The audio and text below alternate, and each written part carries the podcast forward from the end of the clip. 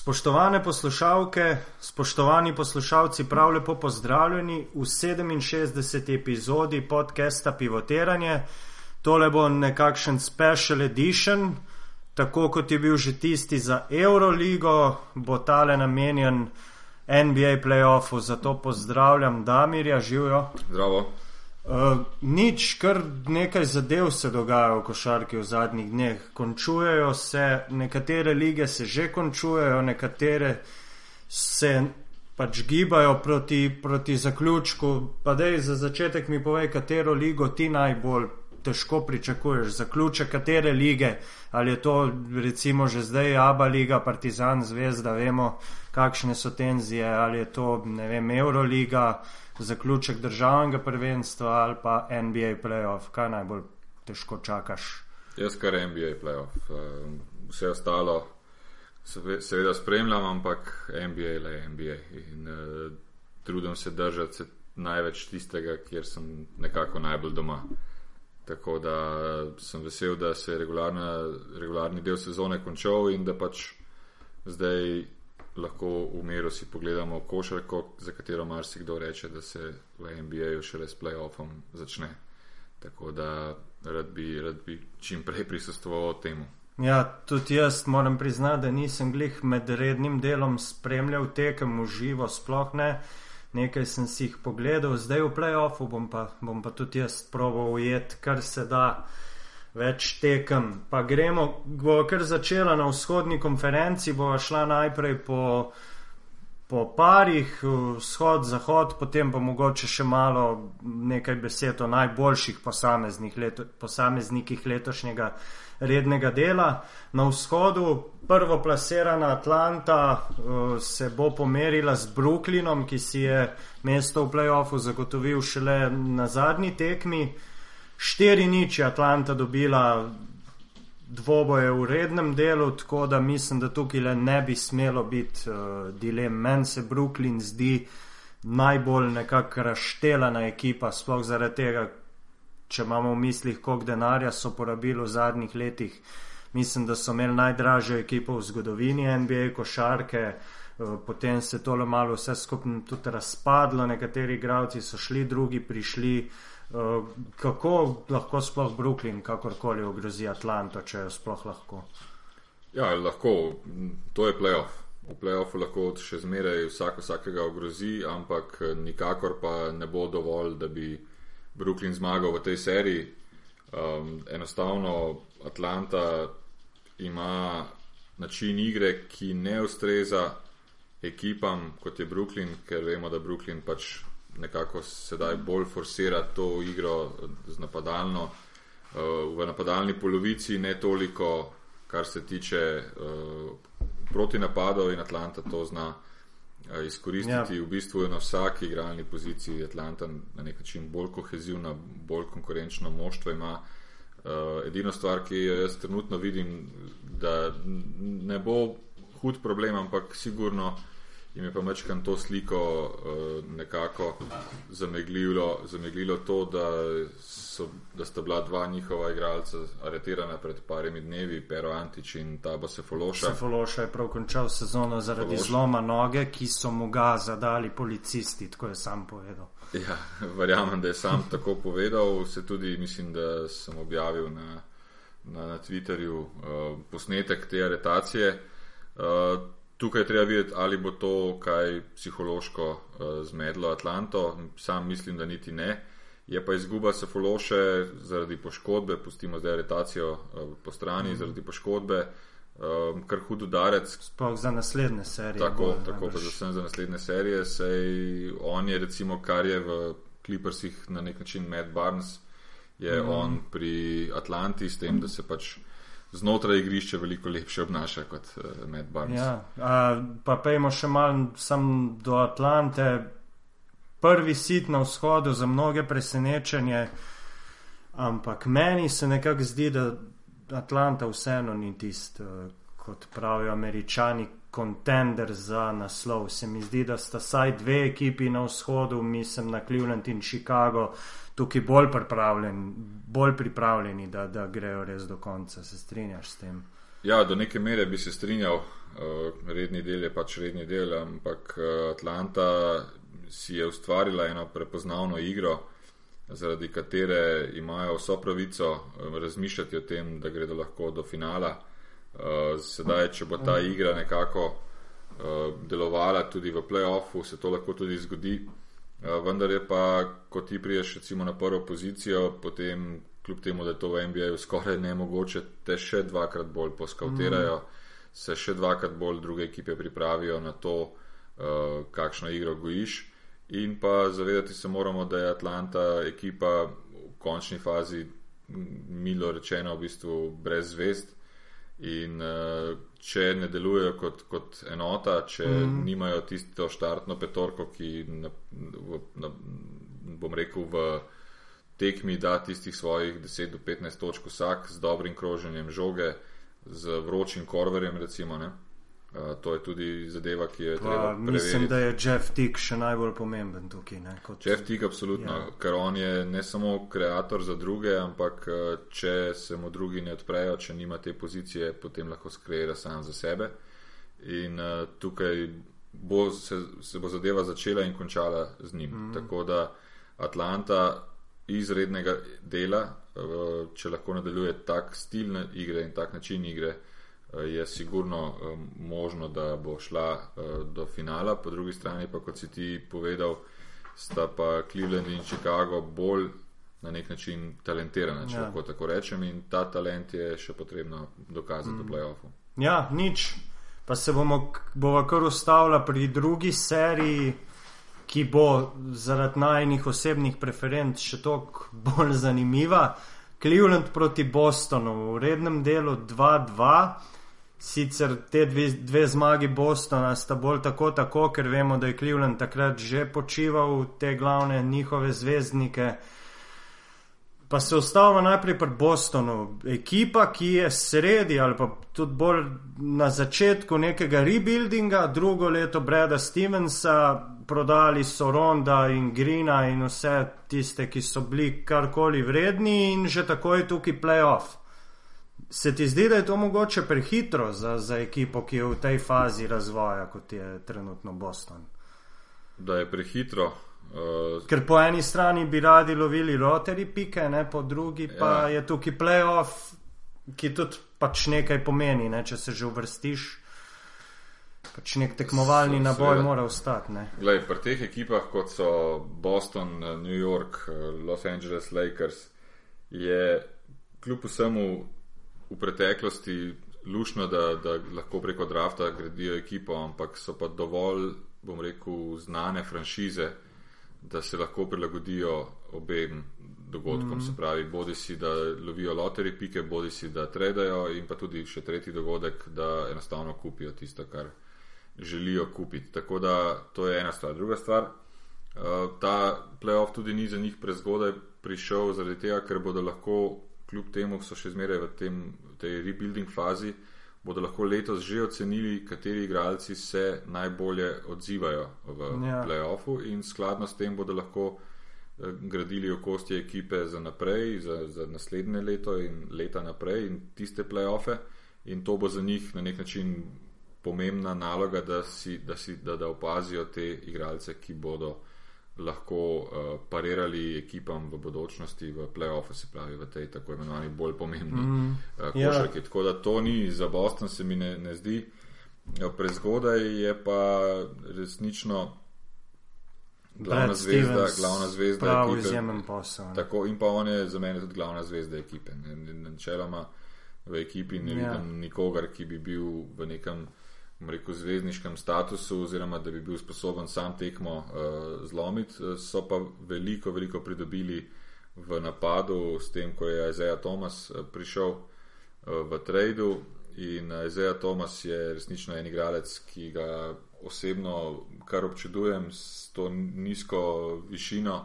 In kot 60. pik leta ja. 2011 je v bistvu za sebe izboril uh, maksimum od maksimuma, glede na to, kakšne ima fizične Ja. predispozicije in proti komu se bori. Ja, ravno, ravno ta branilska vrsta se mi zdi glavna moč eh, Bostona. Avery Bradley se je iz obrambnega specialista, kot smo ga gledali še v eri Doka Riversa, prelevil v igralca, ki zna tudi v napadu nekaj odigrati. Potem je tu Isaiah Thomas, potem je tu Markus Smart, Ruki. To so trije zelo hitri, nadležni branilci, potem je pa tukaj še še uh, tale, ta zadnji, ki se je pridružil, ki je sicer krilo, pa mi zdaj le ne, ne, ne. Ne, Misliš, Crowder je? ne, ne t, uh, v tradu je prišel letos um, krilo, Filadelfija. Uh, Evan Turner. Ja, E- Evan Turner, jaz sem gledal zadnjih par tekem in me je tudi on uh, navdušil. Me je nekako presenetil, tako da mislim, da je ta, ta, ta četverec nekako tisti, ki bi lahko mogoče malo, malo premešal štrene, štrene Clevelandu. Ne? Poudarek je na malo. Ja. ja, Podarek je na malo eh, in to pač eh, se mi zdi, da, da je realno. Eh, Evan Turner je šele sedaj v zadnjih nekaj tekmah pokazal tisto, kar je približno pol sezone kazal, ko je bil še v Filadelfiji. Mm -hmm. Jaz sem njega, njegovo kariero malo spremljal tudi še, ko je bil na Ohio State University. Uh, njemu enostavno do, do zvezde manjka pač med od zunaj. ne. In Ja. uh, to, to, ga, to ga drži stran od teh najboljših. Um, tako da pa dokaj zgodaj se je začel mečka naseliti po, po NBA ligi, to tudi vpliva na igralca. Tako da te štirje so močnejši del um, Bostona, ampak še zmeraj premalo za talent, katerega, proti kateremu se bodo zdaj Ja. zapostavili. Ja. bo pa za Cleveland ta serija tudi nekaj posebnega, saj bosta dva od treh superzvezdnikov prvič igrala v playoffu. Kevin Love in uh, Kyrie Irving. Ja, sigurno. Eh, Sam bi rekel takole, za Kyrie Irvinga ne vidim neko hudo težavo. Eh, Je le toliko samozavesten in tudi toliko je že v teh svojih mladih letih, eh, en mesec nazaj je še napolnil 23 let, eh, naredil in osvojil teh drugih stvari, da je po mentaliteti rojen zmagovalec. Medtem ko vidim večjo težavo pri Kevinu Lavu in tukaj bo moral on pač sam pokazati, iz kakšnega testa je, in to je za njega uh, predvsem psihološki test. In tukaj je pa dejansko tako imenovani flipova coin, 50-50, ali bo splaval in bo potem vrhunski igralec za leta naprej in bo še kakšna stvar, ki je osvojil, ali pa bo, ne vem, kralj skokov in dvojnih dvojčkov, ki ni ničesar, ki ni ničesar osvojil. Tako da to, to je še kako rečejo v Ameriki, the jury is out. Ja. To, bo- to, to, to ne morem niti jaz eh, kaj pametnega povedati. Eh, Največja, največje bogatstvo Clevelanda, glede na, na playoff, je dejansko LeBron James. Izkušnje. Ne? Izkušnje, ki jih on ima s štirimi zaporednimi uh, uh, finali, z, z dvemi prstani, z MVP-jem, ki, ki, ki, mm. ko je bil MVP, s temi najtežjimi tekmami, so tiste, ki pač bodo Clevelandu lahko največ pomagale.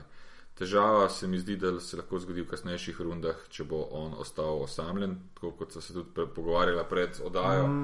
uh, v Miamiju lansko leto.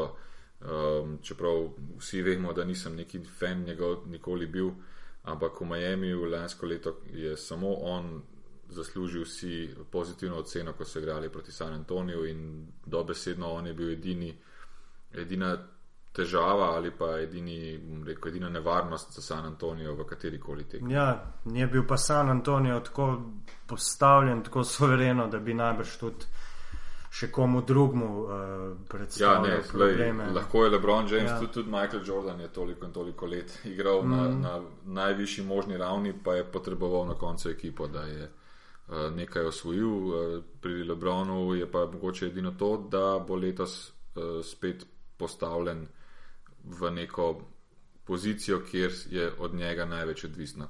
Največ tisto, kar smo mu zamerili v preteklosti, mm. ko je šel iz Clevelanda v Miami, smo rekli, da ga ne more sam, rabi Wade in, in, in, in Boša. Uh, sedaj pa se je spet nekako vrnil na to. Ne bom rekel, da je sam, ker vemo, kakšne so kvalitete Kevina Lava in, in, in Karija Irvinga. In tudi v tradih, ki jih je Cleveland januarja izvedel, je dobil zelo, zelo kvalitetne igralce.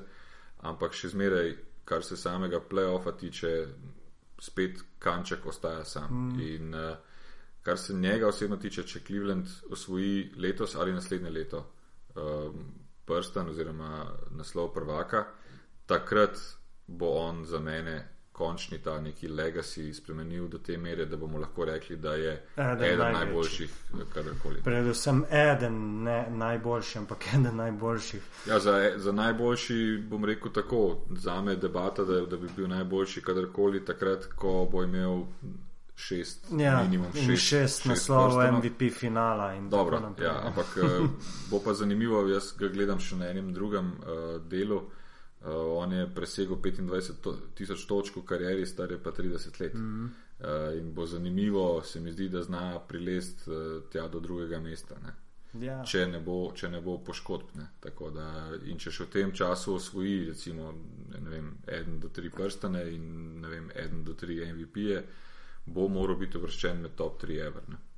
Ja, na, ja, na, na, na, na najno žalost, ja, ja, ja. nismo fena, res je. ja, nič pa bomo še kar napovedala, prej smo za Atlanto pa Brooklyn pozabila. Uh, če smo že kao selektori, bomo kar do konca. Atlanta, Brooklyn, jaz pravim 4 nič. Ja, jaz to tudi smo, sem že parkrat povedal in na vdajah in na splošno. Jaz ne maram napovedovati, ker vse napovedi v športu, ki sem jih kadarkoli izrekel, so bile uh, napačne. Ampak vseeno, moraš še eno cifro povedati. Ja, vidiš, prisiljen sem. Ja. Uradno izjavljam, da sem prisiljen. Um, ja, enako se strinjam, 4 nič, medtem ko uh, za, za Atlanto, medtem ko Cleveland, Boston, pa mislim, da bo 4-1. No, jaz bom tukaj mačkam bolj optimističen zaradi čustvene navezanosti na Kelte in bom rekel 4-2. Upam pa, upava pa oba, da bo vsaj serija mal zanimiva, da ne bo vsakič 20 pik na koncu. No. Ne, ni res, jaz upam, da bo vsakič 20 pik. Ko je Cleveland, ko je Cleveland v vprašanju zaradi mene, če so, če so čisto vse tekme nezanimive, samo da pač zmaga doma. Dobro, okej. Okay. Ja, neč, sva že pri tretjem paru vzhoda, Chicago, Milwaukee. V rednem delu je bilo 3-1 za Chicago. Uh, tako da mislim, da tukaj le delnice Chicaga kotirajo precej visoko, tudi na celem vzhodu, sploh zaradi njihove granitne obrambe, ki je pravi recept za playoff, imajo nekaj širine. Zdaj, če bo še Derrick Rose, se nekako spomnijo na tiste svoje stare čase, lahko pridejo kar, kar daleč. Kaj pa lahko tukaj naredi Milwaukee proti Chicagu? Recimo? Tja, jaz bom rekel nič. Jaz bom rekel nič, ker uh, so še mladi in uh, že to, da so odigrali 50-50 uh, sezono, ne, uh, je za njih ogromen uspeh. In uh, kolikor sem v preteklosti na nek način uh, kritiziral Jasona Kida, ga tukaj, tukaj moram tudi pohvaliti. Eh, tista situacija v Brooklynu mogoče res eh, ni bila za njega ustrezna, se mogoče ni znašel. In tudi ruki sezona je bila ja. njegova trenerska, tukaj je pa zadeva mečkano bolj, uh, bolj mu zlaufala z ekipo, ki je izgubila Džabarja Parkerja zelo, zelo uh, zgodaj. Je v bistvu naredil res dober rezultat. Tudi trade, uh, da so Brendona Knighta eh, tradili, se mi je zdel zelo, bom rekel, se mi je zdela zelo smela poteza. In uh, kot kaže, to ni nekako veliko vplivalo na njihovo uh, kemijo naprej.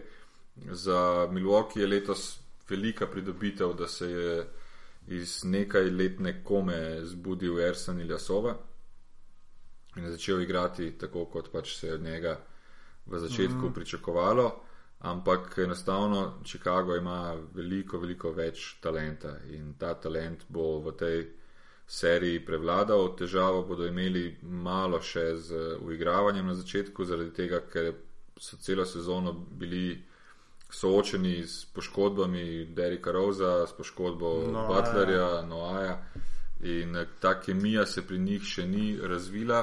Je pa zanimivo, kaj se je zgodilo par dni nazaj. So ameriški mediji začeli na veliko pisati, da je eden glavnih kandidatov, če ne kar glavni kandidat za mesto trenerja Orlando Magicov Tom Tibodov. Tukaj pa ne vidim neke logike. Uh, ja, je logika. Tom Tibodov ni v najboljših odnosih s front officem uh, in tudi z nekaj igralci eh, ni v najboljših odnosih. Dejstvo je pa to, da je zanimivo, da se je to začelo dobesedno manj kot teden dni pred začetkom playoffa. Ker ni dobro. Ne? In se mi zdi, da je to že ena taka, ne bom rekel raca, ampak en tak trol. Trol mm. varianta v smislu, da, da se še malo poruši ta kemija, ki je trenutno zelo eh, krhka, ampak dobra stvar za Chicago pa je, da so na nek način ravno v pravem času več ali manj vsi zdravi, vsi zdravi in se zaradi tega lahko nadejajo uh, marsičemu. Je pa mene osebno pri Chicagu zanima, kako bo v playoffu funkcioniral Nikola Mirotič, ki je zaradi vseh teh poškodb, ki so Mm, bile, dobil full dobil šanse, šanso in je tudi odlično, odlično Mm. mm. izkoristil. Tako da to bo nekaj tudi za, za nas, evropejce, ki pač radi spremljamo Euroligo Ja. ja. in smo Mirotiča pač gledali dolgo časa. Pa v Chicagu imaš celo centrsko linijo, praktično ja. iz Evrope. ne. Gasol, jaz bi izpostavil tukaj še Gasola, ki je lani iz Lakersov odšel kot neka zvezda, že na pol zatonu, pa je letos, mislim, da tretji skakalec lige, tam okrog 11 skokov, pa 20 točk na tekmo, mislim, ja. da res eh, doživlja neko Gasol je. Gasol je mojster vedno bil in uh, ostaja. Uh, na stran, če je komu simpatičen ali ne. No, meni ni, ampak ga vseeno ja. pohvalim. kar se tiče tega uh, igranja. Tako da je pa še tu ena stvar, uh, Milwaukee je od Chicaga oddaljen eno uro vožnje. In uh, kot sem jaz dobil informacije, bo in so že začeli kupovati vstopnice uh, Feni Chicaga za tekme. Aha. v Milwaukeeju. Tako da neka prednost domačega terena uh, je tukaj tudi ne, ne bo neka huda prednost. Ne? Ja, ja. Ja, k tej prednosti domačega terena se bova še vrnila, predvsem na zahodni konferenci. Eh, Chicago, Milwaukee, jaz pravim 4-1. Enako se strinjam. Dobro, še zadnji par shoda, Toronto, Washington, eh, na papirju tudi mogoče najbolj izenačen, se strinjaš s tem? Toronto, Washington, to bo zadeva, kjer bi jaz mogoče nekako celo dal malo prednosti uh, Washingtonu, eh, ker Toronto zadnje čase nekako se mi ne zdi, da funkcionira tako, kot bi. Ja, po tistem mega začetku so kar padli. ne. Tako, tako. No, ampak eh, ravno zadnjič, mislim, da sem se na eni tekmi pogovarjal na enem prenosu. Eh, Toronto je prej našel pač neko kemijo, oziroma jo je imel že tudi iz preteklega leta in je izkoristil tudi to, da recimo Atlanta ni dobro začela, Mm. Cleveland ni dobro začel uh, in je takrat, bom rekel, Si zbi- naredil zbildal, si zalogo, naredil ja, neko tudi. zalogo, ne, sezono je pa končal uh, dokaj povprečno in uh, skladno s tem je to recimo, ne bom rekel, da je to moja napoved, ker sem že prej govoril o tem, ampak če kje vidim nek pik, da bo niže postavljeni, oziroma mm. Kako bi to rekel, lower seed, uh, premagal Presenetil, higher seed, ja. je tukaj se mi zdi, da je ta možnost. Mm. Je pa spet odvisno v Washingtonu, vse začne in konča z Johnom Wallom in Bi- Billom. Ja. Kakšna, kakšna bosta, v kakšni formi bosta pa Gortat in ne ne. Um, je zelo odvisno za Valenčunasa, recimo pri Torontu, bi pa to povedal, da se lahko na igrišče pojavi en ali drugi, se pravi tisti, ki ne more zadeti tudi svojega mm. ščitnika v, v kozarec, eh, ali pa tistega, ki je sposoben dati eh, 20 točk in 13 skokov. Mm, ja, tukaj bomo gledali dva zelo dominantna bekovska tandema, Lauri Deroza na eni strani in Walter Bill na drugi strani. V rednem delu je Toronto dobil vse tri tekme. Mislim, da so tudi bolj igrali, bolj v prvi polovici, da je bilo tako, ampak vsem. Uh, nič, jaz bom tudi tukaj dal prednost Washingtonu, pa bom rekel 4-3 za Washington. Ja, recimo, spet so pri napovedih. Ja. Nujno zlo. Ja, vidim. Nič, uh, zdaj se selimo na zahod, ki, ki je, mislim, da precej bolj zanimiv in tudi izenačen, z izjemo tega para, ki ga bova najprej obdelala. To pa je Golden State New Orleans, prvo postavljeni Golden State, najboljša ekipa lige. mega presenečenje po eni strani, po drugi tudi ne. Uh, ekipa res funkcionira nenormalno na, na krilih uh, Stefa Curryja in Kleja Thompsona. 3-1 je bilo v rednem delu, njuni medsebojni dvoboji. Uh, Nač, mislim, da, mislim, da tukaj po domače povedano New Orleans nima kaj za praskat. Bo pa Anthony Davis dal kar nekaj vetra centrski liniji, Golden State imam občutek. Ne? Ja, gotovo. Uh, gotovo in uh, Anthony Davis je resnično bodoča zvezda ki, če bo imel neko ekipo okrog sebe zbrano uh, z, z nekimi pač dobrimi igralci ali pa vsaj z ja, glede na to, koliko je mlad in ja, kako že ja, zdaj igra, ne, je to res. Za ne njega je res samo nebo uh, meja. Uh, in, za, in za njega je, zakaj so tudi pri New Orleansu napeli vse sile, da se uvrstijo v playoff, čeprav je bilo nekako skoraj jasno, da, da nimajo velikih mm. možnosti proti Golden Stateu. To so tako imenovani valuable experience variante, kjer uh, bo on to nabiral, zato da bo takrat, ko bo treba zablesteti, ja. lahko zablestel. Je pa pri njemu zelo preprosto, če mu ne bodo znotraj New Orleansa front office našel neke okrepitve za, za kasnejše čase.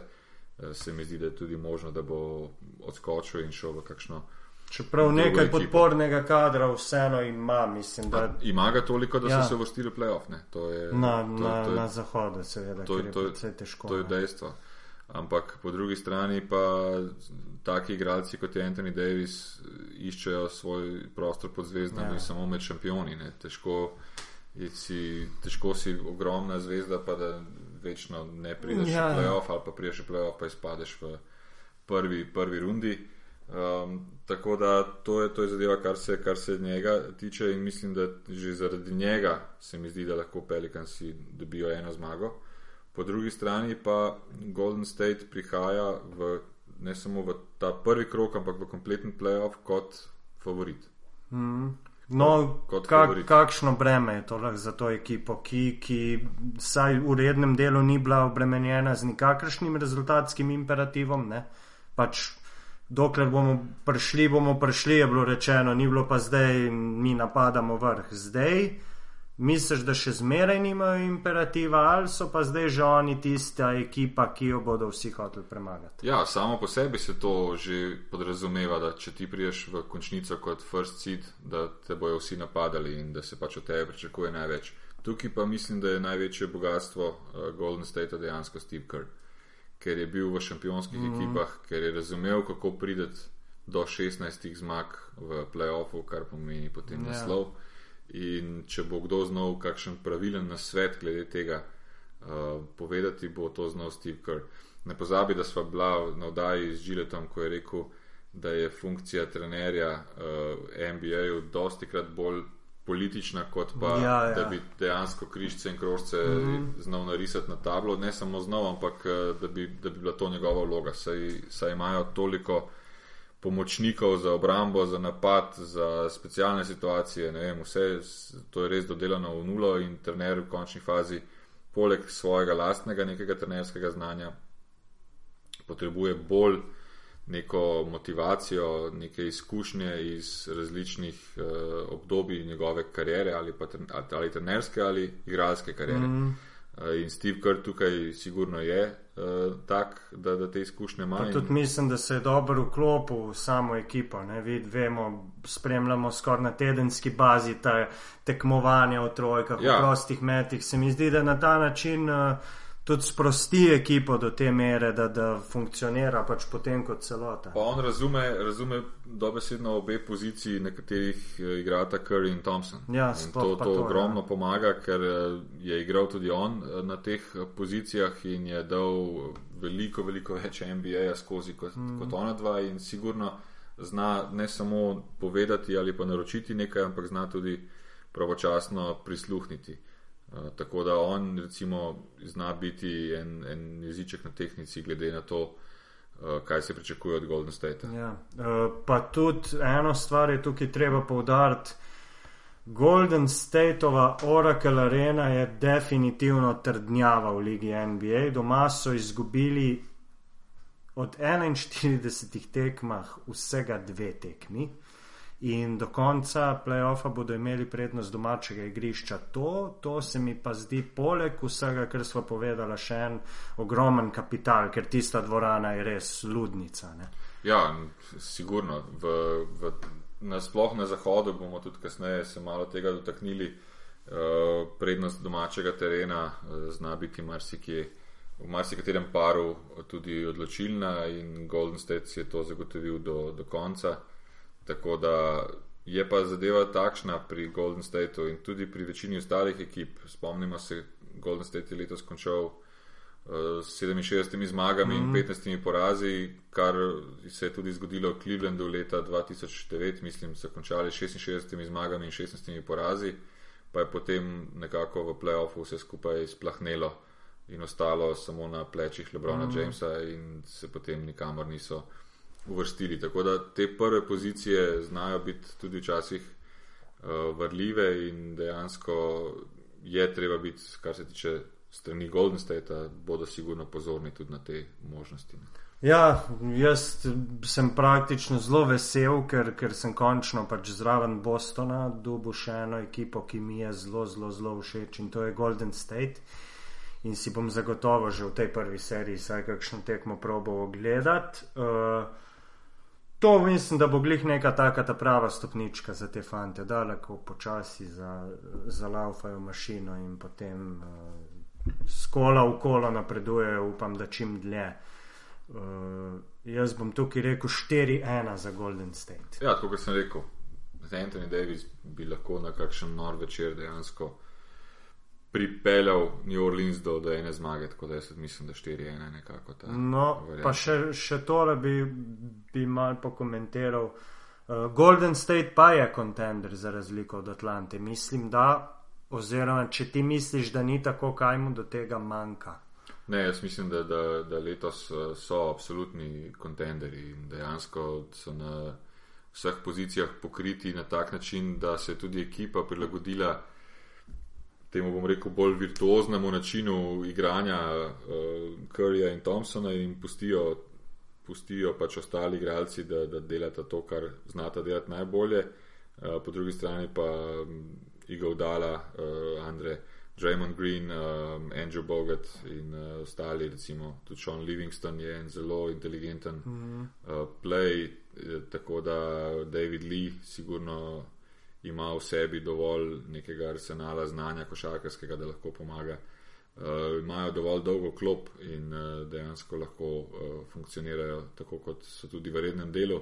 Tako da oni so, za mene osebno, so oni prvi, uh, uh, prvi bom rekel, favoriti letos, ampak uh, to samo pač. Do pomeni. začetka. ja, to je samo do začetka pleva. Mm, ja, dobro, to je to za to serijo. Upam, da bomo v Golden Stateu se pogovarjali tudi o oddaji pred finalom. Da razkrijem, da bo tudi oddaja pred finalom. Nič, eh, Houston, Dallas, eh, drugi par zahoda, drugo postavljeni Houston proti sedmemu Dallasu. V rednem delu je bilo 3-1 za Houston. Uh, tole se mi pa zdi kar taka Čeprav je tako na lestvici bilo, ne sicer po zmagah, ampak po mestih, kar velik prepad med ekipama, da bi znalo biti kar izenačeno. Ne? Gre za nek teksaški derbi tudi. Uh, je pa dala velika neznanka, ne? predvsem zato, ker ne vemo, kaj bo naredil Ražen Rondo, ali se, bo, ali se mu bo strgalo na pozitivno ali v negativno smer. Tako da ima pa dala tudi kar neki, kar neki orožji za, za Houston. Ne? Ja, Dallas bo konkurenčen v tem paru, če bo dobival od recimo štartne petorke vse, kar so sposobni eh, dati. Če bo to slonelo pač na enem ali dveh, bo to premalo. Uh, Dirk Novicki je letos pokazal, da je čas, da se mu počasi začne pripravljati mm. rdeča preproga za odhod v, v penzijo, uh, kar ne pomeni nič drugega kot to, da, sedaj, da sedaj ni več, ne more biti več čisto prva violina, ja. ampak mora sedaj več investirati v to, uh, da kompletna ekipa igra uh, dobro. Uh, sam mislim, bolje tukaj še ena druga stvar, ne? to je tak res teksaški derbi in bilo je že v preteklosti kar nekaj manjših incidentov. Um, in, in tukaj mislim, da se to lahko spet malo zakuha. Uh, od Ronda je veliko odvisno, absolutno se strinjam, ne pozabimo pa to, da Dirk Novicki in uh, Tyson Chandler in uh, Rondo imajo vsi recimo en prsten uh, in znajo. Imajo to prednost, ker v Houstonu pa ni ne, tega znajo priti, ja.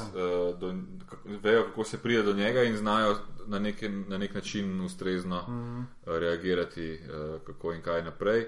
Ampak uh, letos je pa Harden po drugi strani tako fenomenalen, da ne vidim v Dallasu ravno, bom Aha, rekel, enega pa, igralca, da bi ga lahko ustavil. Pa bomo skočili, je to mogoče nevarnost za Houston, ker Harden je tam prvi, drugi in tretji igralec. Ne? Ja, nevarnost ali ne, oni igrajo tako že vse čas in uh, sedaj sigurno ne bojo spremenjali neke strategije ali pa ne vem. Eh, ja. V playoffu našli novega junaka, ki bo se pridružil Hardnu in dosegal tudi on vem, 20 točk in poleg tega igral še dobro obrambo ali karkoli. Ne. Sigurno je Houstonu velik, velik eh, handicap, da ni Patrika Beverlyja. Ja, ja, to, um, to, to je, on, je, on jim je dajal tisto playoff, noto, playoff nota pomeni, da je ravno tako na, na pol umazan igralec in sposoben sodelovati v preteku. Soliden v obrambi. Se je ravno to, on je odličen v obrambi, ne samo soliden, mm. ampak je pa zna pa iti preko mere in zna se tudi. Ne dobesedno, ampak po narekovaji steps. Ker je za playoff sem dobro. Tako, tako, v playoffu ni več, mm uh, vse smo vsi gledali že milijon playoff tekem v playoffu, uh, ni več niti enega, bom rekel, prijatelja, tukaj je samo lahko daš koš ali te pa lahko tudi polomimo in veš se, kaj, zakaj se igra.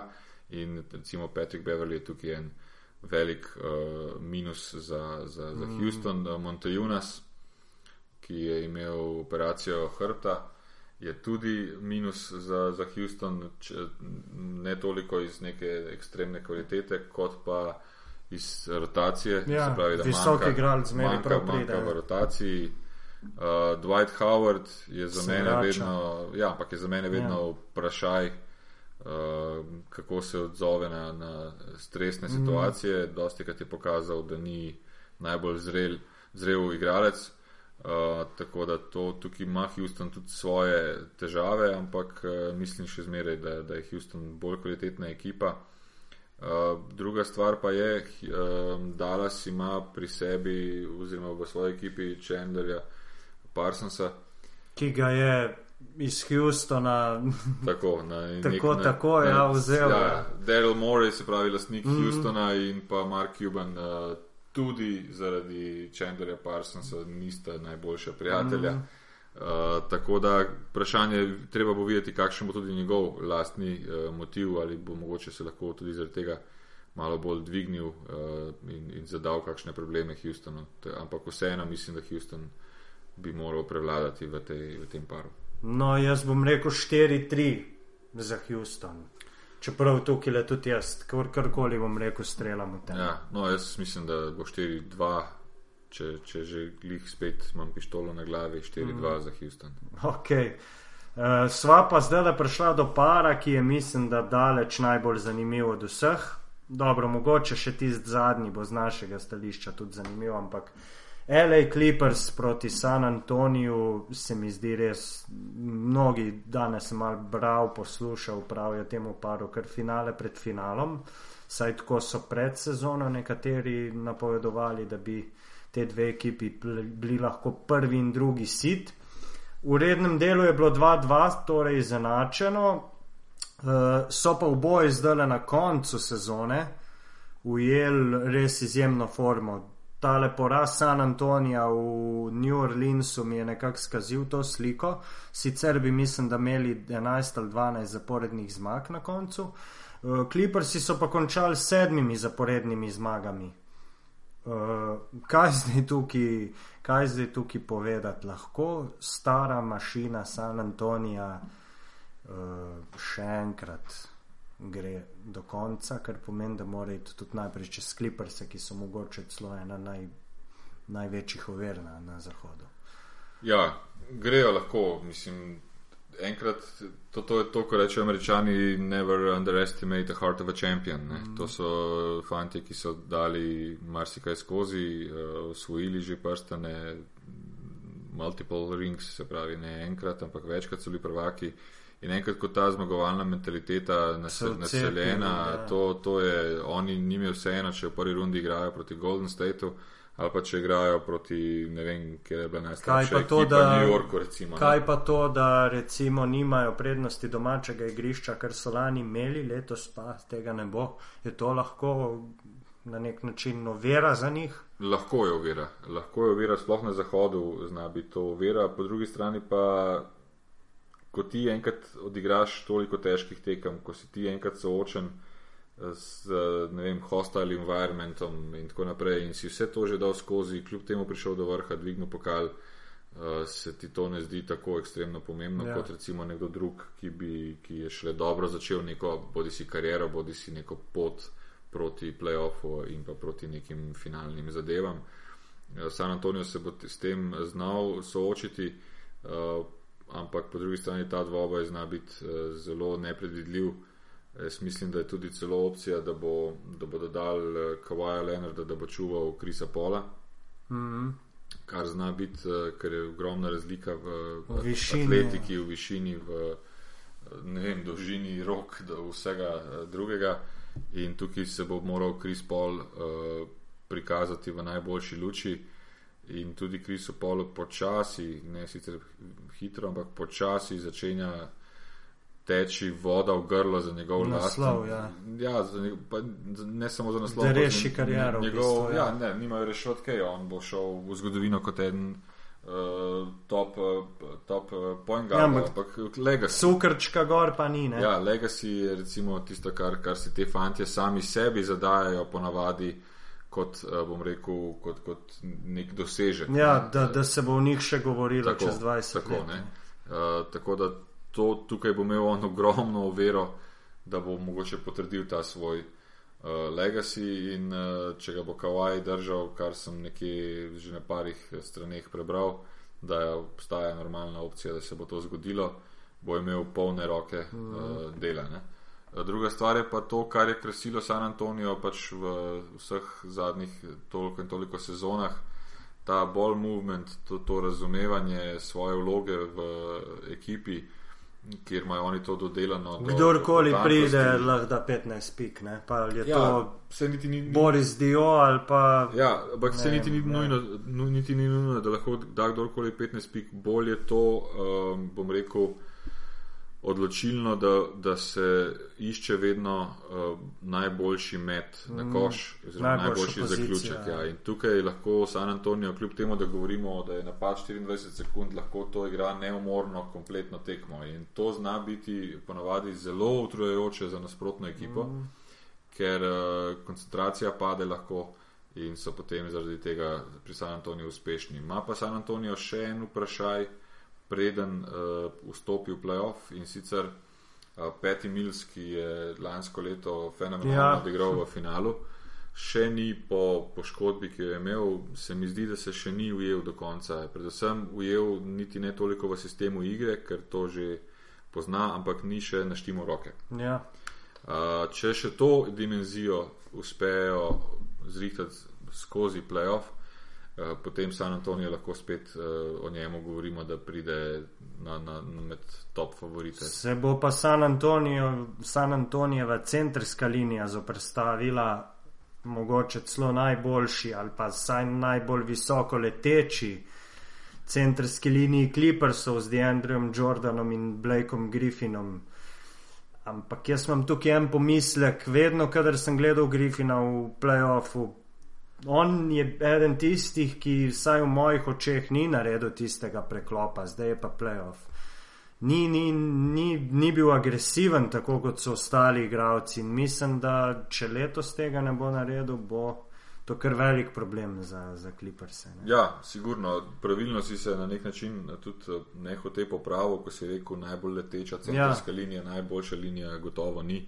Eh, manjka še to veliko predvsem košarkarske tehnike, ampak to je mogoče bolj moj notranji nostalgični ja. glas, ki hoče, da so centri sposobni v tem smislu, kot je recimo sposoben Mark Gasol, da zna podati, da zna v visokem procentu zadevati proste mete, da, da obvlada mm, hrbno tehniko. Podaja, gor dol, ja, ja.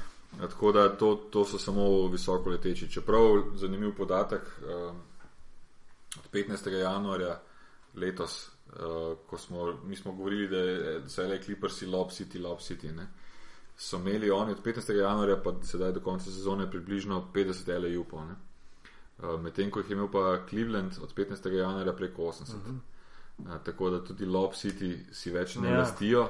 Ampak dobro, se ni, ni potrebno. Važno je, da ga daš, ni važno na kakšen. Ampak hočem povedati, da to tudi kaže mogoče na, na kanček spremembe, ki je Doc Rivers tudi uvedel, uh, da se pač ni potrebno samo s tem kazati pred gledalci, ampak je potrebno tudi nekaj veščin košarkarskih uporabiti, da, da zmagaš. Ja, Doc Rivers je bil tudi sigurno vesel oziroma zadovoljen, ker se je Jamal Crawford vrnil. Ja. Bilo je rečeno, da bi lahko tudi sezono že končal. Gotovo. To je glavna, glavna sila sklopi pri, pri Clippersih in eden najboljših Zdaj, šestih igralcev že serijsko v zadnjih letih. Koliko bo vplivalo to, da se je še dobro vrnil, ne pa tudi mm. uh, druga stvar. Ampak uh, vseeno, uh, tole ne bom rekel, da je finale pred finalom, ampak je, bo pa ekstremno zanimiv par. Ja, nič, jaz bom rekel 4-3 za San Antonijo. Jaz bom rekel sledeče. Uh, če kliprsi na domačem terenu izgubijo eno tekmo, jim lahko prej vse dol pade in jih potem San Antonijo, San Antonijo dejansko povozi. Tako da ali bo 4-3 za, za kliprse, ali pa 4-1, 4-2 za San Antonijo. Okay. Zapisano. Uh, zdaj nam je pa še zadnja, zadnja serija, oziroma zadnji par ostal s slovenskim pridihom, zaradi tega bo glih. Uh, toliko bolj zanimiv. Portland, Portland Trail Blazers proti Grizzlyjem iz Memphisa. V rednem delu je bilo 4 nič za Memphis, ne? nekako Portland ne najde recepta za, za Grizzlyje. Ja, to je zdaj. Kaj bo najdel v playoffu? To je zdaj redni del. Portland je letos ekipa, ki mi je, s katero najbolj sočustvujem, ker, ker kot kaže, so se nekaj zamerili košarkarskim bogovom. Uh, Matthew spet poškodovan. Ja, končal uh, Aaron Flalo, ki Tud je v sredo prišel. Ja. Bo prišel nazaj, ampak bo že med playoffom. Uh, Lamarko Soldrič, ki bi moral dejansko zaključiti sezono uh, s poškodbo mm. palca, pa nekako igra, igra s štirimi in pol prsti. In dejansko imajo tukaj kar veliko težavo s temi zadevami. Ostaneta dejansko od teh, bom rekel, zvezdnikov, Lamarko Soldrič in pa Damien Lillard. Uh, skladno s tem se mi zdi, da to zna biti včasih premalo, še posebej, ja, še posebej za, za grizlije. Ki, ki imajo pod košem res. Če sem prej recimo rekel najboljša, pa mislim, da je dejansko Gasol za Krendolf najboljša centrska linija v ja. Ligi. In e, grizli imajo eno zadevo, ki je bila bolj popularna v NBA-ju v 90-ih letih. Oni te z to košarko počasno, počasno eni polovici, na ubijajo, ja. ubijajo. Prav duha, ki ga imaš mm. v sebi, ti ga ven izsesajo iz, iz in potem ostaneš brez energije in to počnejo mhm. vrhunsko. Mm. Je pa zadeva pri njih kritična, kar se tiče Majka Konlija. Ja. Kako pa, je z njim zdaj, jaz sem mal, um, se bo vrnil? Niso še eh, povedali. Tud, tud, tukaj tudi, tudi uh, v playoff pridejo pač na vrsto tudi psihološke igre kjer se ja. marsikaj ne, ne izda, takrat, ko se pač še ni sto procentno, ravno zato, da se drugo ekipo, ne vem, kako bi temu slovenščini rekel, da vrže off ja, course, ja. a ne da potem, ko so off course, se lahko ja. presenetiš. Ja. Ampak uh, jaz, ker pač ne navijam za nobeno teh ekip, mi je tudi vseeno, če Majka Conleya ne vidimo, zato ker mi bo pri srcu igral več, ko bo Beno Udrih igral. No, kakšna bo pa njegova vloga tukaj, bodi si s konjem ali brez, definitivno bo dobil svojih 15-20 minut. Ne? E, njegova vloga bo taka, kot je v rednem delu sezone in na, na tej vlogi on lahko v NBA-ju dobesedno jaha še pet let. Priti sklopi, če pač igra Mike Conley, pri, mm. priti sklopi in unesti stabilnost v uh, rezervno postavo, ki pač. Ravno mi se mi zdi, da sede, sede v to Memphisovo igro na eni polovici, ne? ker vemo, da je on mojster uh, igre na eni polovici, ni, ni, ni klasičen. Branilec, ki, ki potem, ko nekoga prebija ali dobi prednost, gre do konca, ne on se lepo ustavi, liniji prostih metov in lepo zadeva uh, te mete. Ja, no, ampak na, ponosni smo pa lahko na to, da je on resnično v, v NBA-ju kralj tega tako imenovanega mid-range mm -hmm. jump shota.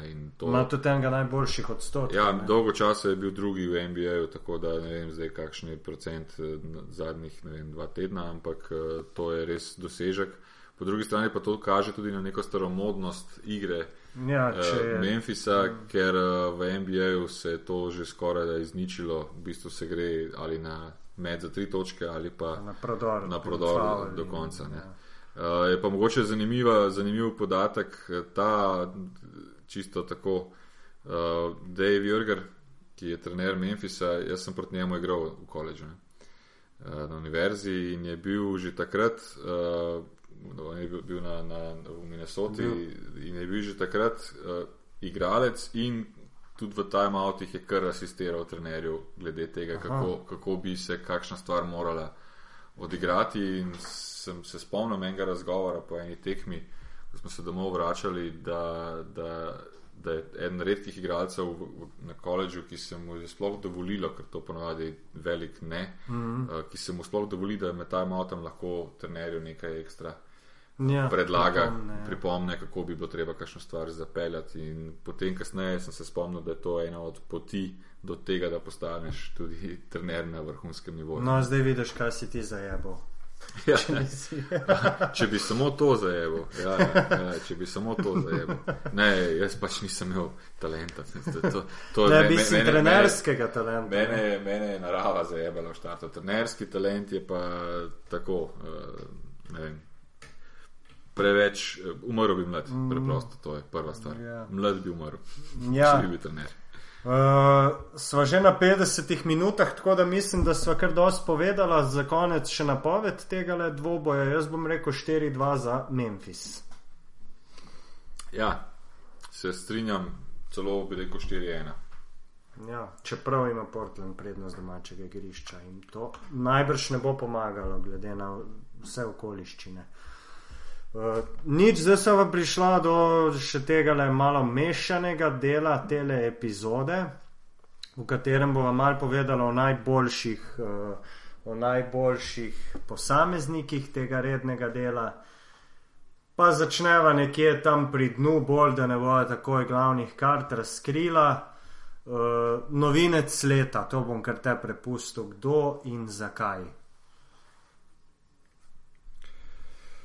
Uh, jaz imam kar nekaj tukaj igralcev, dvomov. Uh, na prvo žogo bi vsak rekel Andrew Wiggins, igralec Minnesota, ki je res prikazal uh, eno solidno igro za, za svojo ruki mm. sezono, ampak je pa tudi dobil ogromno priložnosti, ker, se, ker Minnesota se je letos resnično potrudila, da ima največ žogic ja. na loteriji. Uh, vlečenju ne, in da dejansko probajo dobiti še en prvi pik.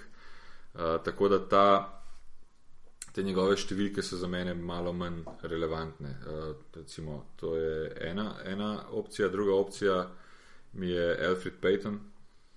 Igralec Orlanda, ki je začel počasi, ampak je pa potem resnično eksplodiral pa tudi, pri Orlandu. Ne. Pa tudi Evropejcev je bilo nekaj. Ne? Ja, po drugi strani pa mogoče s kančkom nekega evropskega navijaštva, pa potem ne morem iti mimo Nikole Mirotiča, eh, ki je v tem, kar so tudi že prej rekla, ko smo govorili o Chicagu, izkoristil svojo priložnost ob poškodbah, ki so pestile Chicago in skladno s tem pokazal, da je lahko tudi on v ruki leta.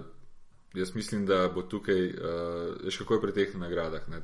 To je tudi malo uh, ali pa kar nekaj marketinga. Ja, ja, ni samo tisto, kar je najbolj. Tako, Andrew Wiggins je projiciran za Je tudi nek zvezdo. projekt NBA. In, Tako ja, za zvezdo NBA in bi rekel tako, da težko, da bi zdaj Kdo enemu dobil, ja. Črnogorcu tam rekli, da je on mm. Rookie of the Year, če je bil pa izbran kot 570 mm. na draftu. ne.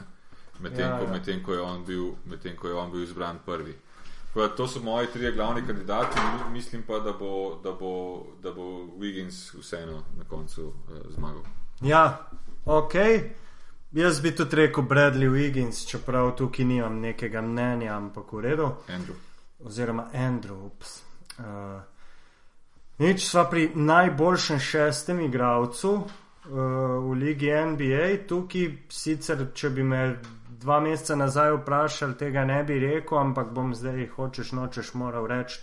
Isaiah Thomas, uh, ex-Phoenix, zdaj Boston, ravno seveda tega, ker je prišel v ekipo Bostona, ki ima vsaj tri ball handlerje, dominantne, mnogi so pač tudi jaz sem zmajeval z glavo tega Indijanca, nočem v moji franšizi pod narekovaji.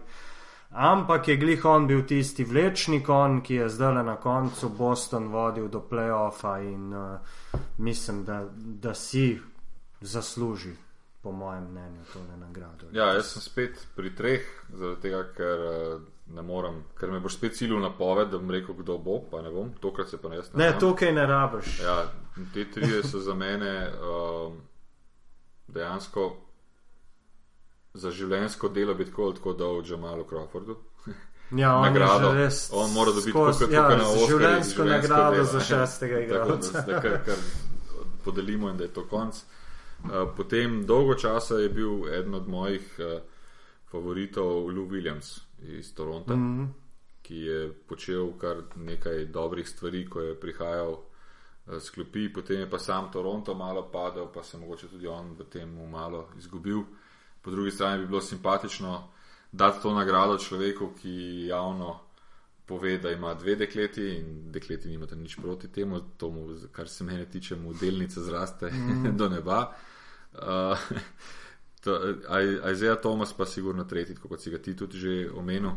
In uh, je pač naredil to, kar se nekako od šestega igralca pričakuje. Uh, ampak po drugi strani moramo pa videti, kako je njegova sezona potekala, medtem ko smo mislili, da v Phoenixu ruši Ja, zadevo. je tle pa čez Bostonu, kontra, ja. v Bostonu maksimalno hvalimo. Ne? Uh, tako da tudi zaradi tega nisem za nobenega od njih eh, prepričan, ampak uh, gotovo bodo, bodo pač po moji ceni od mm. teh treh izbirali tudi žirija oziroma board. Ok. Najboljši obrambni igralec, uh, moj pik je Kawhi Leonard, ker se mi zdi, uh, se mi zdi, da ta fant lahko dejansko pokrije, ampak rekel bom tako solidno ali pa odlično pozicijo od ena do tri pogojno tudi krilnega centra in je res en tak obrambni stroj v, v mojih očeh. Se strinjaš? Ja, tukaj bi pa spet imel tri, jaz bom- imam skozi tri v glavi. Eden je Kawhi Leonard, ki si ga ti omenil, eh, nedvomno, pa ne bomo razlagali zakaj, ker mislim, da je jasno zakaj. Um, drugi je za mene uh, Anthony Davis, ki je tudi lahko v tem miksu in bo dobil tudi sigurno nekaj glasov. Uh, tretji je pa Draymond Green, ki ima pa mm -hmm. najboljši defensive rating Ja. In si sigurno, si- sigurno, sigurno zasluži biti v pogovoru uh, tudi za to nagrado. Spet ne bom pametoval, kdo bo, kdo ne bo. Fair enough, vsi si so- zaslužijo v Ja, bistvu, te ja. trije so. Bi pa mogoče na stara leta, mečkam, ker smo isti letnik, pa bom pač to izkoristil. Tudi Tim Duncan letos bo dobil vsaj en glas. Ja, najbolj fascinantno mi je to, da je Tim Duncan pri svojih eh, 38, Devet. ali je že dopolnil 9. Pa, v, Ja, v letos pač je, bo, ja.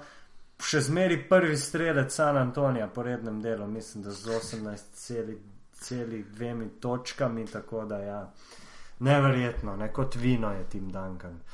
Uh, ok, most improved player, Jimmy Butler, mislim, da tukaj pa ne bi smelo biti dileme. Jaz sem si tukaj le izpostavil primerjavo, ker to je pač edina relevantna zadeva, s katero lahko postaneš igralec, ki je najbolj napredoval, lanske številke z letošnjimi. In pri njemu je to vse šlo za tretjino gor, vključno z odstotki meta, uh, tako da iz 13 točk je šel na dobrih 20, uh, tudi met iz igre iz 40 na 46 odstotkov in tako naprej. Tako da uh, definitivno Jimmy Butler. Ne? Jaz imam. Pa mogoče Hasan Whiteside. Ja, uh, Hasan Whiteside je šele pred šestimi dnevi dobil potrditev od NBA pisarne, da je odigral dovolj tekem, da je lahko nominiran. Aha. To je bilo prvo. Mnogi so pa to prenesli, kot da je že. Jaz sem nekaj par tvitev videl. Ja, ne, že, ne, ni še. Ja. Ni še um, konkurira. De, konkurira mm. in dejansko med njima je ta uh, dvoboj, po drugi strani tudi, se tudi jaz strinjam, da je Jimmy Butler tukaj zmagovalec in da Hasan Whiteside mogoče tudi kakšno stvar naredil na igrišču, ki ni bila najbolj popularna, pa mogoče za tega tudi kakšno simpatijo uh, izgubil. Uh, po drugi strani se mi zdi pa ne glede na to, da je NBA rek, rekel, da je odigral dovolj tekem letos, da je še zmeraj za mene osebno ta vzorec premajhen. Ja. Uh, to pač si lahko kot subjektivno mnenje za sebe pač postavim. Je, je pa zanimivo, ja. Jimmy Butler, mislim, da igra največ minut na tekmo v NBA-ju. In to je 39,8. Kaj, kaj je s to ekipo Chicaga? Predtem je pa serijsko to bil Lowell Denk na isti poziciji. Uh, to, je, to je dejansko uh, Tom Tibodo. In to je zadeva, ki sem, ki sem jo prej omenila, sem rekel, da ni v nekih najboljših ja. odnosih s front officem. Tom Tibodo je mečkan stare šole, kar se tega tiče. Če se spomniš, sem tudi enkrat pisal članek o teh zadevah, uh, kako trenerji rotirajo igralce. Mm -hmm. In on je v NBA-ju znan kot človek, ki želi svojo prvo petorko imeti na igrišču 35 minut plus. Kar je v NBA-ju sedaj dokaj nepopularno. In front office mu je tudi to na nek način zameril s poškodbami Noaja, um, Butlerja in, in, in uh, Rosa. Uh, Uh, zato pač se vse te stvari dogajajo, Chicago, ki, ki se trenutno dogajajo. In zato ni ne preseneča, ker je on še tukaj mečkano ostal na tej, bom rekel, stari mm. šoli. Um, in, in to je razlog, zakaj so igralci Chicaga nekajkrat bili ja. med vodilnimi po številu minut ja, na ja. tekmo. Ne. Ok, uh, trener leta. Tukaj le bomo imeli, mislim, da različno mnenje, kot sem če boš obdržal tisto izbiro, ki si jo povedal na enem izmed, v, enem izmed, v enem prenosu, jezik se mi mal že zapleta. Moj pik je definitivno Steve Kerr. Pa ne samo zato, ker, najboljši, ker ima najboljši skupiček njegove ekipe, ampak tudi zato, ker je trener leta oziroma ker je trener novinec. On je podaril rekord v zmagah kot trener novinec. Vemo, kako težko je začeti trenerski posel, ne? da to je malo takih, ki, ki v prvi sezoni grejo. Čez 50 zmag je že veliko, ne? dobro, David Blatt, ampak Steve Kerr za, za moje pojme, brez uh, kakršnih koli dilem. No, si omenil Davida Blatta, jaz imam tukaj pač res je drugo mnenje. Uh, Je pa res, da, da David Blatt je že prej. Hotel sem to ravno povedati. David, David Blatt, ja. še enkrat, ne zato, ker je v Clevelandu, sploh ne. Lahko bi, lahko bi bil tudi v New Yorku, briga me. David Blatt je verjetno profesor uh, trenerstva za Steve Kerr. To si moramo, to si moramo odpreti oči, pa tako povedati. Ja. Je, je, je, pač njegove izkušnje na, na svetovni ravni to govorijo in mu ta CV dejansko zapolnjujejo. Ampak za mene je trener leta dejansko uh, Mike Budenholzer. Ne? Iz preprostega iz razloga, Atlante, ja. iz Atlante. Iz preprostega razloga, zato ker je iz ekipe zelo solidnih igralcev, pa nobene zvezde, naredil enoto, kakršno je naredil. To je prva stvar. Druga stvar, eh, ker je sam to zadevo zgradil, uh, ne glede na to, da, da sem še kar proti Marku Jacksonu, kot, uh, mogoče bolj kot osebi, kot trenerju, pa vendar proti zaradi nekih njegovih košarkarskih in tudi izven košarkarskih stališč, je Mark Jackson nekaj procentov zaslužen, da je neke stvari uh, naredil dobro in da je Steve Kerr tudi javno priznal, kar je edino logično in ja, pravilno. Da je pobral nekaj od njega. Da je pobral tisto, kar je bilo dobro. Se tudi vsak normalen mora to narediti, se ne mm. moreš ti vedno prijeti pa reči, zdaj pa čisto nova metla, če pa že prej Golden State bilansko sezono funkcioniral, že, ja. funkcioniral na nek način. Ne? Um, tako da še eno tako sezono, pa bom rekel Steve Kerr naslednje leto. Ja. Drugače pa letos uh, za mene je pa Mike. Ok, v bistvu nam je ostal samo še MVP, kjer zopet, po mojem mnenju, ne bi smelo biti dilem. Stephen Curry, uh, najboljši igralec najboljše ekipe, to je nek razlog večine, že tradicionalen, vedno se pač reče, najboljši igralec najboljše ekipe mora biti MVP, ampak pri meni name je naredil vtis zaradi drugih stvari, zato ker je po mojem mnenju temu igralnemu mestu organizatorja igre dal dimenzijo, ki je v celi zgodovini NBA še ni bilo. Zakaj? Zato, ker zna, zna vse. Poleg tega je pa še showman in, in se igra košarko, on dejansko se igra košarko, kar vidimo doskrat.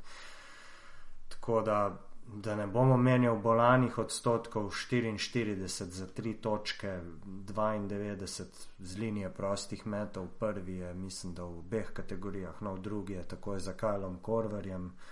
Uh, in še tisti podatek teh njegovih 23 točk na tekmo, koliko jih v poprečju dosega, je malo v megli, ker je koliko tekem v zadnji četrtini sploh ni igral 16. Mislim, ja, mislim, da je zdaj bilo že več, ampak uh, najmanj 16 tekem v zadnji četrtini sploh ni no, igral. No, torej bi. Lahko, če ja, bi se pehal za tem, bi lahko. Šel do več. 25 brez ja, problema, ja. tako da jaz mislim, jaz mislim, da. Tudi po mojih osebnih preferencah, on je igralec, ki mi je v zadnjih letih. Nikdar nisem nekako navijal za posameznike ali pa posameznike dajo v spredje, ampak pri njemu dejansko to moram narediti, ker me, ker me vsakeč, ko gledam, odprtih ust ostanem. No. Ja, mislim, jaz bi se z izbiro pri tebi lahko eh, strinjal, edino kar bi povedal zraven je pa to, da redko katero leto je MVP tako zelo stoprocentno eden ne? in tudi letos ni nobena izjema za vsakega, ki je bil mm. v tej dirki, bi se dalo najti razloge, neke ja. razloge in uh, skladno s tem potem tudi pač reči, da tudi on bi lahko bil MVP. Sta pa ostala zdaj vendarle samo še ja. Curry in uh, Harden. Je pa, ja, je pa to res, kar si ti povedal, uh, da je MVP ponavadi resnično vodja ekipe, ki ima najboljšo. Eh, naj, najboljše razmerje zmag in porazov. Um, spomnim se pa enega NBA finala v 70-ih letih, oziroma mislim, da je bilo celo 69, ko so Lakersi izgubili finalno, mm, finale, serijo ja. finalno in niso bili prvaki, pa je bil Jerry West, takrat se pravi slavni logo, mm -hmm. uh, je bil označen za MVP finala. Kar, je, kar, pravi, kar pomeni, da tudi to ni vedno absolutno nujno, čeprav sem moral Mislim, 45 bilo, ja. let nazaj iti v zgodovino, ampak ni bilo nujno uh, tako, da je MVP tisti, ki je najboljši od najboljše ekipe. Ampak uh, tukaj je pa po mojem tudi tako, da, da letos si to zasluži. Um, jaz pa mislim, da ne bi, bilo, ne, bi, ne bi bil šok, če bi bil to Harden. Um, Russell Westbrook je odpadel, zato ker se Oklahoma dejansko ni uvrstila ja. v playoff če, če bi se uvrstila v playoff, glede na to, da Durenta ni uh, zaradi poškodbe, uh, ne, ne pomeni, da bi on usvojil. Ja, ampak bi, bi se v realnih ja. ja, pogovorih. Meni je zanimivo, kaj dela marketing um, NBA na nek način. Uh, prebral sem ogromno člankov, ker veš, da imam te informacije iz Clevelanda, kar nekako po domače povedano iz pore roke. Ogromno člankov v NBA, ne samo iz Clevelanda, sem prebral, da bi se spet morali o Lebronu pogovarjati tudi. Ne? Ja, med petimi, sigurno, pa Anthony Davis. Anthony Davis in, in te, te, to so te glavni, recimo, ki so bili. Mislim pa, da tukaj bo res uh, Steph Curry osvojil to zadevo. Tako da to je to, kar se tiče. Ja, se mislim, da tudi, če gledamo potem idealno peterko lige, ne, če naredimo še en korak naprej, tukaj dejansko pridejo poštev Curry, Westbrook, Harden, Davis in pa LeBron James. Ja, samo to, to si naredil, to ja. si naredil brez centra. Recimo, ja, vse je tukaj uh, v teh. Bi pa mogoče vseeno, da, da, da spustimo žogo na, na, na tla. Um, Steve, uh, Steph Curry dejansko igra v eri, kjer organizatori igre vladajo v, v, v NBA-ju Ja. in se pač bazira igra okrog njega, spravi organizatorja igre, medtem ko v starih časih temu ni bilo tako. Zato sploh ni bilo priložnosti Da bi kakšen playmaker tako izstopil. tako pokazal to, kar pač uh, je Steph Curry. Čeprav mislim, Pokazal, da tudi, uh, tudi tako raznovrstnega, oziroma pri njemu težko najdem šibko točko. Ja. Jo ima. No, uh, Če gledamo pač individualne igralske Vsa, karakteristike. vsak jo ima in recimo, kje bi on moral še po moji oceni še več delati in to sigurno počne, uh, ker napreduje iz leta v leto, še ima rezervo v obrambi, sigurno. Ja, čeprav je tudi tukaj obra- rez, rezerva definitivno še, ampak kakšen, mislim, da kakšen zmaj v obrambi zaradi konstitucije nikdar ne Ja, bo. ne more, ampak Uh, pač je pa tok napredoval, da američani doska to povezujejo, kar meni sicer zelo ni všeč. Obramben igralec je dober, če ima veliko ukradenih žog in blokad. Ne. Sicer jaz tega ne odobravam, ker je lahko kakšen obrambni igralec center, ki nima veliko blokad, pa je še vedno odličen. Uh, mislim, da je Steph Curry tretji kradljivec žog v ligi, tam okrog dve Ja. žogi ukradeno tekmo, kar Malo sicer čez, je ja. nek uh, pokazatelj, da igra obrambo, ni pa to zdaj uh, glavna zadeva, zaradi katere bi on bil vrhunski obrambni igralec. Ja. Okay. Uh, za konec, čisto za konec, Še kakšno vprašanje smo še dobivali? bo, mislim, da sva na vse že odgovorila. Eno mislim, da še niso. Razen, razen na tisto o prihodnosti bratov Dragič. Ja. Uh, tole o prednosti domačega igrišča sva. Tako da nič. Uh, Zoran Dragič je ravno v noči na dan, ko mi dva tole snemava, prvič dobil resno šanso v NBA-ju in v 40 minutah dosegel 22 točk in kar na zelo visoko letvico dvignil svoj osebni rekord, praktično na prvi tekmi. Uh, on ima še pogodbo za naslednjo sezono, tako da pri njemu verjetno toliko dileme ni, pa tudi pri Goranu Dragiču ne bi smelo biti, uh, ker jaz se nagibam k temu, da, da je dal neko saj ustno obljubo, on ali agent ali oba skupaj Petu Rajliju, da bo podpisal ravno z Miami in sicer zaradi tega, ker je Miami zanj uh, se odrekel dvema igralcema in dvema izborama v prvi rundi nabora. In mislim, da si Pet Rajli kot Pet Rajli ne bi privoščil tega, da bi on zdaj pač šel drugam. Ja, jaz se strinjam s tem v veliki večini, kar si povedal glede uh, Gogija. Uh, bo pa vseeno, po moji oceni, v tem off-seasonu poslušal, kaj mu bo Pet Riley pripeljal zraven. To čisto tako po domače povedano. A, zdrav, Kris Boš, pa Wade, V- pa Wade- Whiteside, to še ni dovolj. Wade ne bo več zdrav v življenju. Mislim, Wade, kot je bil recimo zdaj na koncu. Ne bo zdrav Pač, v življenju. Ne pozabi, ja. ne pozabi, da ko so lovili playoff, je dve, tri tekme ja. Ja. zaporedoma Wade zelo poprečno odigral, oziroma podpovprečno, pa je imel še zmeri pač zaradi svojega statusa, logično je imel vse možnosti. eh, Oziroma, vse žoge, tiste, ja. Ja. ki so bile, so šle na njega. Ne? To ne, ne pomeni, da je to odločilna stvar, ampak eh, gotovo uh, Gogi ima željo nazaj v playoff in, in tudi Gogi ni več, ker ga imamo mi za našega, ga imamo tudi na nek način za večno mladega, ja, tudi on ni več Letos 29. tako let. najmlajši in tudi na tak način, kot igra, uh, bom, bom, bom uh, zelo vesel, ampak mogoče kanček presenečen, če bo njemu uspelo do 38. leta Na ta na način, ta način igrati. Ne, ne. ne, tako. Kar se bazokija tiče, si pa razlagal to, pa sem se zraven začel smejati. Zdaj pač, kar bom povedal, me lahko tudi do popluva, ampak tukaj smo, da govorimo to, kar mislimo.